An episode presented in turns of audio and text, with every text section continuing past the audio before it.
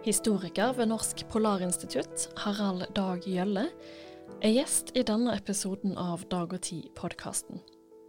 Han forteller om reisa si til Grønland, der han var med og GPS-merka grønlandskval, og helt tilfeldig havna i et område der et drama utspilte seg for over 100 år siden.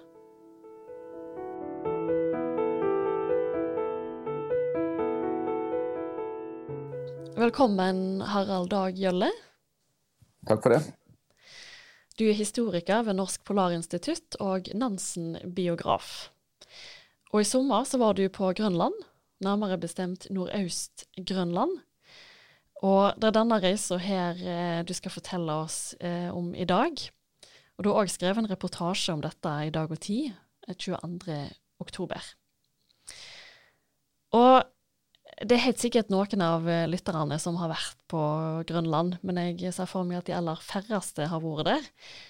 Så jeg lurte på om du kunne ta oss med til der du var. Hvordan, hvordan var det der? Hvordan så det ut? Ja, det er, For det første er det jo fantastisk storslagent landskap.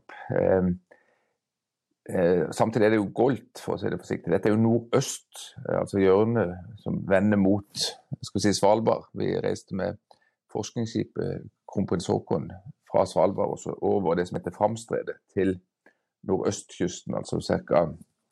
Ja, nesten 80 grader nord, 79-80 grader nord. Eh, der. Og der er det jo ikke noe tradisjonell bosetning som, som, det er mange andre plasser på Grønland. Det er svære fjorder. Det er enormt med is. altså Store deler av grønlandsisen drenerer ut på, på Nordøst-Grønland.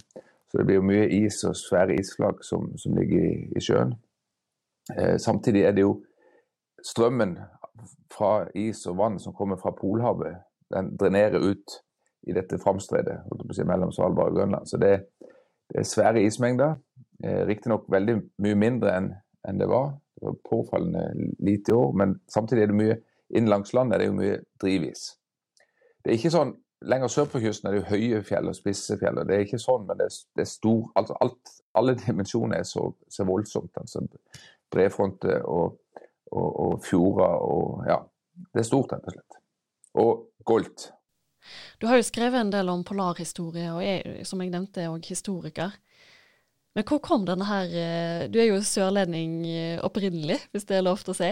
Eh, hvor kom denne her interessen for nordområdene? Og ja, det Altså, jeg er sørlending og jeg er oppvokst i, i fjæresteinene her. Men, men jeg flytta til Alta, familien flytta til Alta da jeg gikk på gymnaset. Så fortsatte å studere i Tromsø. Jeg kan ikke akkurat si at det var liksom ett tidspunkt at jeg, jeg, fikk Eh, spesielt sånn interesse. Men jeg begynte å studere historie ved Universitetet i Tromsø, som var veldig sånn nordområdeorientert, eh, så, så, ble denne interessen vakt. Og så var jeg en del på tur, altså sånn i fjellet og, og på, på, på, lange skiturer. Og, og i fem, 1995 så gikk jeg en lang skitur på, på Svalbard.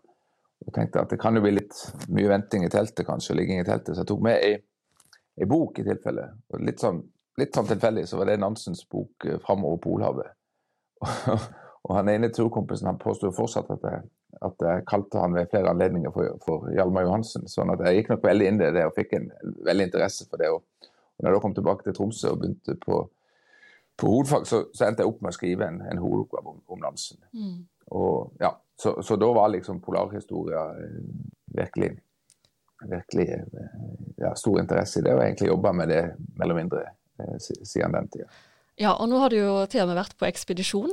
Jeg regner med at det ikke er den første ekspedisjonen du har vært på nå på Grønland, men eh, du var forskningsassistent?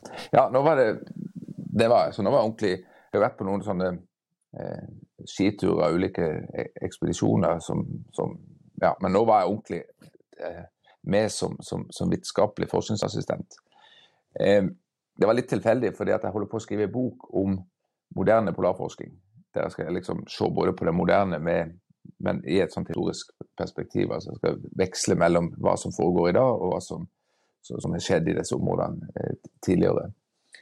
Eh, og så spurte Kristian Lydersen om jeg kunne være med og, liksom på det. Så måtte han tenke på det et par dager, og så kom han tilbake. Ja, men da må du gjøre nytte for deg. Da må jeg, jeg trenger en assistent i helikopteret. Så det var jo egentlig det beste, beste av to verdener. Ja, for Kristian Lydersen han er forsker ved Norsk Polarinstitutt. Mm. Ja, han er forsker ved Norsk Polarinstitutt, og, og han og, og, og, kona Kit har holdt på altså i, ja, i flere altså siden 80-tallet med enormt imponerende eh, forskning på alt som er stort og svømmer i kaldt vann. Altså sel og, og hval og hvalross altså rett og slett eh, polare marine pattedyr eh, har de drevet og forska på i alle varianter, og, og har utvikla teknikker på å merke de. Altså Bl.a. for å se hvor henne svømmer de, hvor dypt dykker de, og hvordan intervallet er det på dykking. Altså rett og slett for for, forstå mønsteret til, til, disse dyrene. Og du var med og fikk merke disse dyrene. Hvordan, ja. hvordan gikk det for seg? jo, det er fra helikopter. Eh, og altså, Grønlandshvalen er jo enormt svær, for å si det forsiktig. Eh, og den er 100 tonn, altså det er verdens, det var jo blåhvalen som, som, er større. Eh, og er jo veldig sjelden. altså Man trodde jo lenger var, var utrydda. Så det er jo veldig sjelden han, man, man, man, man, rett og slett finner Så mye av tida gikk jo til å prøve å saumfare områdene med, med, helikopter for å finne, finne hvalen. Og vi fant jo alt på én dag. hadde jo møtte vi omtrent, eller så ca. 25 hval og klarte å merke tida di. Ja. Og selve merkinga, da flyr man inn ovenfra og passer på idet han kommer opp og skal puste, og så henger Kristian da ut av, av helikopteret med et, et svært gevær. Et, altså et, så, eh, vanskelig å forklare, men det, det, er egentlig en blanding mellom nesten en sånn der han, mer, nesten mer en kanon enn et gevær, men et, et lufttrykksgevær. Det brukes opprinnelig til å skyte i land Eh, fangeline på svære eh, skip, holdt jeg på å si. For, sant, med, eh, ja, så det, det, er fullt av luft, trykker ut, og smeller da ut en, en, pil eller et sånt ja, spydspiss som da føres ut og går inn i spekket på, på hvalen. og inn, inni den her så er det jo altså en sender og masse avansert teknologi som, som sender dette hver gang hvalen er oppe og puster. så så blir dette sendt via satellitt og, og, og hjem til, til Tromsø. Så, så, på den måten så får man jo masse eh, informasjon fra, fra hvalen mens han svømmer rundt. og blant annet, Ikke minst ser man hva han til enhver tid er. Mm. Eh, dette kan jo se litt, litt brutalt ut. Det er jo en, en ganske stor spiss, men, men det er klart grønlandshvalen har jo du tenker at han er eh, ca. 1000 ganger større enn en voksen mann, eh, og, og har en halvmeter spekk så, En halvmeter liksom spekk? Ja, en halvmeter tjukk spekk. Så, så, er det liksom litt i Det er ei flis han får i, i, ryggen. Klart han merker det, men, men han, han, eh, jeg tror han ikke plages voldsomt av det. Men Hvordan var det å fly dette helikopteret og se denne her enorme grønlandshvalen? Jo, det, ganske, det, var, det, var, ganske stort. Eh, og det, er klart, det er jo spenninga knyttet til det òg. Du, du, sitter mange timer og bare kikker og kikker og kikker. Eh, vi så en del narhval, og det var jo veldig fascinerende. Det er jo et utrolig fascinerende styr med det her lange spydet i, i, i nesa, holdt jeg på å si, og, og svømme og elegant hvordan det svømmer. Og, og vi fikk både merka det, men også tatt sånne biopsier, altså skyte en pil inn på den som faller av, og så plukker vi den eh, opp med en håv fra helikopteret, og så får man en, en spekkprøve. Ja. Eh, som sier, kan si mye om om eh, informasjon altså om, om eh, genetikken til, til, dyrene, eventuelle miljøgifter, altså helsetilstand. Så, det er jo en veldig viktig eh, prøve man får da. Det tok vi fra, fra Grønlandshvalen nå. Men det, det, er liksom noe med størrelsen på Grønlandshvalen, og den plutselig, plutselig så ser du den bryter vannflata så brrr, enormt. Og så går man jo ned med helikopteret i en ja, relativt det, det, er jo kjapt, men det føles jo som en ganske lang tid, der du, du kommer ned og ligger ca. fem meter rett over ryggen på den. Og Det er da du virkelig skjønner hvor svær denne hvalen er. Og så er det jo det som var min jobb, da, som virkelig liksom, grunnen til, til jeg var tilsatt som, som, eh, som, forskningsassistent, var jo at alle ser det er ulike våpen for om man skulle ta biopsi eller om man skal mørking og alt det der. Og bak i et helikopter så er det jo ikke så god plass og litt sånn trangt. Og, og, eh, og så jeg var liksom håndlangeren. Jeg måtte lade, lade Eh, både armbrøst og, og geværet, og, og, passe på at Kristian til enhver tid fikk dette her, og at alt gikk for seg på en forsvarlig måte bak, bak helikopteret. vi må iallfall følge godt med på forskningen som eh, disse kollegaene dine Lydersen og Kovacs eh, gjør, for det høres veldig spennende ut. Ja, det er veldig fascinerende. Det er det. Mm. Absolutt. Du skriver jo i den reportasjen din at eh, dere mista en sånn biopsi av en hval. Dere fikk ikke tak i den.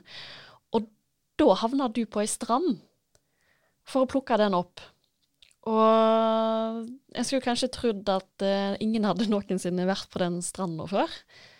Eh, men når du kom tilbake til Norge, så fant du ut at eh, det hadde vært dramatikk på den stranda for over 100 år siden. Ja, det var ganske sprøtt. fordi at eh, Som sagt, jeg skal jo skrive om, om dette her eh, i et sånt historisk eh, historiske sideblikk.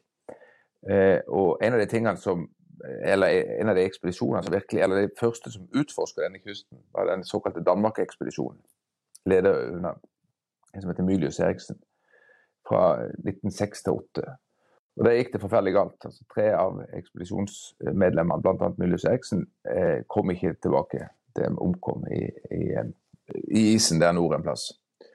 Og dette kjente jeg, Denne ekspedisjonen kjenner jeg veldig godt til, for så vidt. Fordi at, fordi at eh, jeg har vært på en ekspedisjon i Eivind Astrup sine eh, fotspor sammen med amerikaneren Perry, som var på nordspissen av Grønland. Og du kan si at Denne ekspedisjonen skulle på en måte følge opp. Det var det eneste hjørnet på Grønland som ikke var kartlagt. Altså den nordøstlige. Man hadde vært over innlandsisen til nordspissen, og så skulle man da kartlegge det der siste, siste hjørnet ut mot nordøst. Eh, og En av de tingene de så etter her, denne ekspedisjonen, og kanskje som er årsaken til ikke de kom tilbake, var at de lette etter den kanalen som amerikaneren Perry påsto fantes, som delte Grønland i to. Eh, og Derfor brukte de lengre tid og måtte såkalt oversomre. Altså de, de, de, var på slede, og isen gikk opp, og de kom ikke tilbake. Sant? Og måtte vente til høsten for at isen skulle fryse på igjen. Og alle skjønner at da begynte det både å bli kaldt og mørkt og ufyselig så, så, det gikk gærent. Altså, det eneste som er funnet, var en som heter Brønnlund, som var grønlender. En dyktig fangstmann, han som kom lengst. Og hadde skrevet, dag, hadde skrevet dagbok. Uh, og, og han, ble, han, ble, funnet. Og liksom det funnet og skal vi si, myten knytta til hva skjedde egentlig med de andre, uh, det er så mye spekulasjon, og det har vært stått så helt sentralt i dansk polarhistorie å prøve å finne ut hva var det egentlig som skjedde med, med, med Emilius Eriksen. Og, og, og, og, det man forventer, bl.a. at de hadde kartlagt dette området, de hadde viktige kart med. så alle, Man tror jo fortsatt den dag i dag at det, at det sannsynligvis finnes en Varde kanskje der oppe som, som har disse kartene og dagbøkene. Men det er kun Brønnlund som, som ble funnet. Og han ble, ble da eh, eh gravlagt, og han ble funnet igjen, eller lokaliserte dette her igjen i, i 19 eh, 63, tror jeg det var, og så på 80-tallet. Liksom, ja, det var lagt minneekspedisjoner. Det var og den danske Sirius-patruljen som patruljerer denne kysten med hundespann, altså militær eh, enhet, de er jo innom der stadig vekk og tar avstikkere og fortsatt leter etter Mylius Eriksen sin ukjente Vardø osv. Eh, og alt dette kjente jeg jo godt til eh, og leste meg opp på tidligere. Men i mitt hue så var det på en annen plass, altså den såkalte Danmarksfjord, som ligger lenger nord. Jeg trodde det dramaet hadde utspent seg. Eh, helt til jeg kom tilbake til båten og kom tilbake til, til Norge og begynte å lese meg opp igjen. og skjønte at nei, nei, nei, det var jo akkurat i dette området vi var. Sant? Og irriterte meg forferdelig. Hvorfor i all verden eh, uff, det her skulle jeg vært bedre forberedt på. Så kunne jeg jo sikkert fått han piloten til å svinge over grava til, til, til Brønnlund. liksom hadde vært der sånn. Og i det Kristian kom tilbake igjen, og Kit og Kristian kom tilbake, så storma jeg inn på kontoret og sa du, hvor var det egentlig vi var akkurat det der når jeg var i landet og plukka opp denne her, uh, hylsa med biopsien? Jo, sier Kristian, og så så han på koordinatene, for de merker jo, Kit merker jo alle plasser, alle posisjoner, alt vi hadde truffet der, der, der. Og så zoomer han inn på et sånt digitalt kart, og så tror du jammen ikke det, så står det plutselig en prikk, og så står det Brønnlunds grav. Akkurat på den odden vi hadde vært. Så jeg har altså vært på kanskje det mest ikoniske eh, Iallfall i dansk eh, polarhistorie, men en av de mest sånne dramatiske fortellingene og liksom det avskjedsbrevet som Brøndum skrev, altså det, liksom så, det, står så sterkt i, i, i, i polarfortellinga. Og, og, da har jeg liksom mer eller mindre vært på grava der uten å være klar over det og ikke sett meg rundt. Altså, jeg, som sagt, vi gikk mest ned i havet og ikke så mye på land. Uh, og når vi var ute og henta det der, så var jeg liksom ute av helikopteret og sprang noen, noen, meter bort og så tilbake igjen. Ja, og dette her, så, um, Bare skyte inn ja. dette flotte avskjedsbrevet. Da, da har du ja. da sitert i artikkelen din, ja. eh, som sto i Dag og Tid. Mm. Ja. Og det er kanskje, Jeg har lest en bok som påstår at det er liksom et av de mest siterte sånn her, eh, avskjedsbrev eller sånn, sånn ever. Ikke vel? Og når du tenker på de omstendighetene det er, er skrevet på han var ikke veldig god i dansk, han, han var inuitt og, og beherska ikke dansk og skrev det på det som ikke var hans morsmål. og liksom eh, var jo på selv, altså Skriveren kom, kunne ikke komme lenger pga. mørket og forfrysning i føttene osv. Og, så og, og forklarte hvor de andre to var, hadde omkommet. Og så, ja så, Som Nansen siterte, så sa han at hvilke saga i disse få linjer ikke, altså, Hvordan han klarte å formulere dette her på, virkelig på dødsleiet, visste hvilken vei det, det gikk. Mm. Og det er masse mystikk rundt uh, denne ekspedisjonen ja, ja. her som er ja, uoppklart. Og, mm. Ja, og så er det noen sånne rare ting, for det er han som fant Brønnlund, da. For han skriver jo det at, at de to andre ligger eh, altså Det er tilsvarende ca. 20 km lenger, lenger, nord foran en bre, altså på fjordisen, eller på sjøisen foran en bre. Eh, men han gikk jo da eller påstår at han ikke gikk videre for å lete etter dem. Det er det vel ingen som kanskje tror på. Men, men, hva er da grunnen til at han ikke nevner eller så han noe der som, som ikke ville passe? Eller, nei, det er iallfall mange spekulasjoner knyttet til det der som, som gjør at det, at det, er så mye drama og mystikk knytta til denne Danmark-ekspedisjonen som, som, som ja.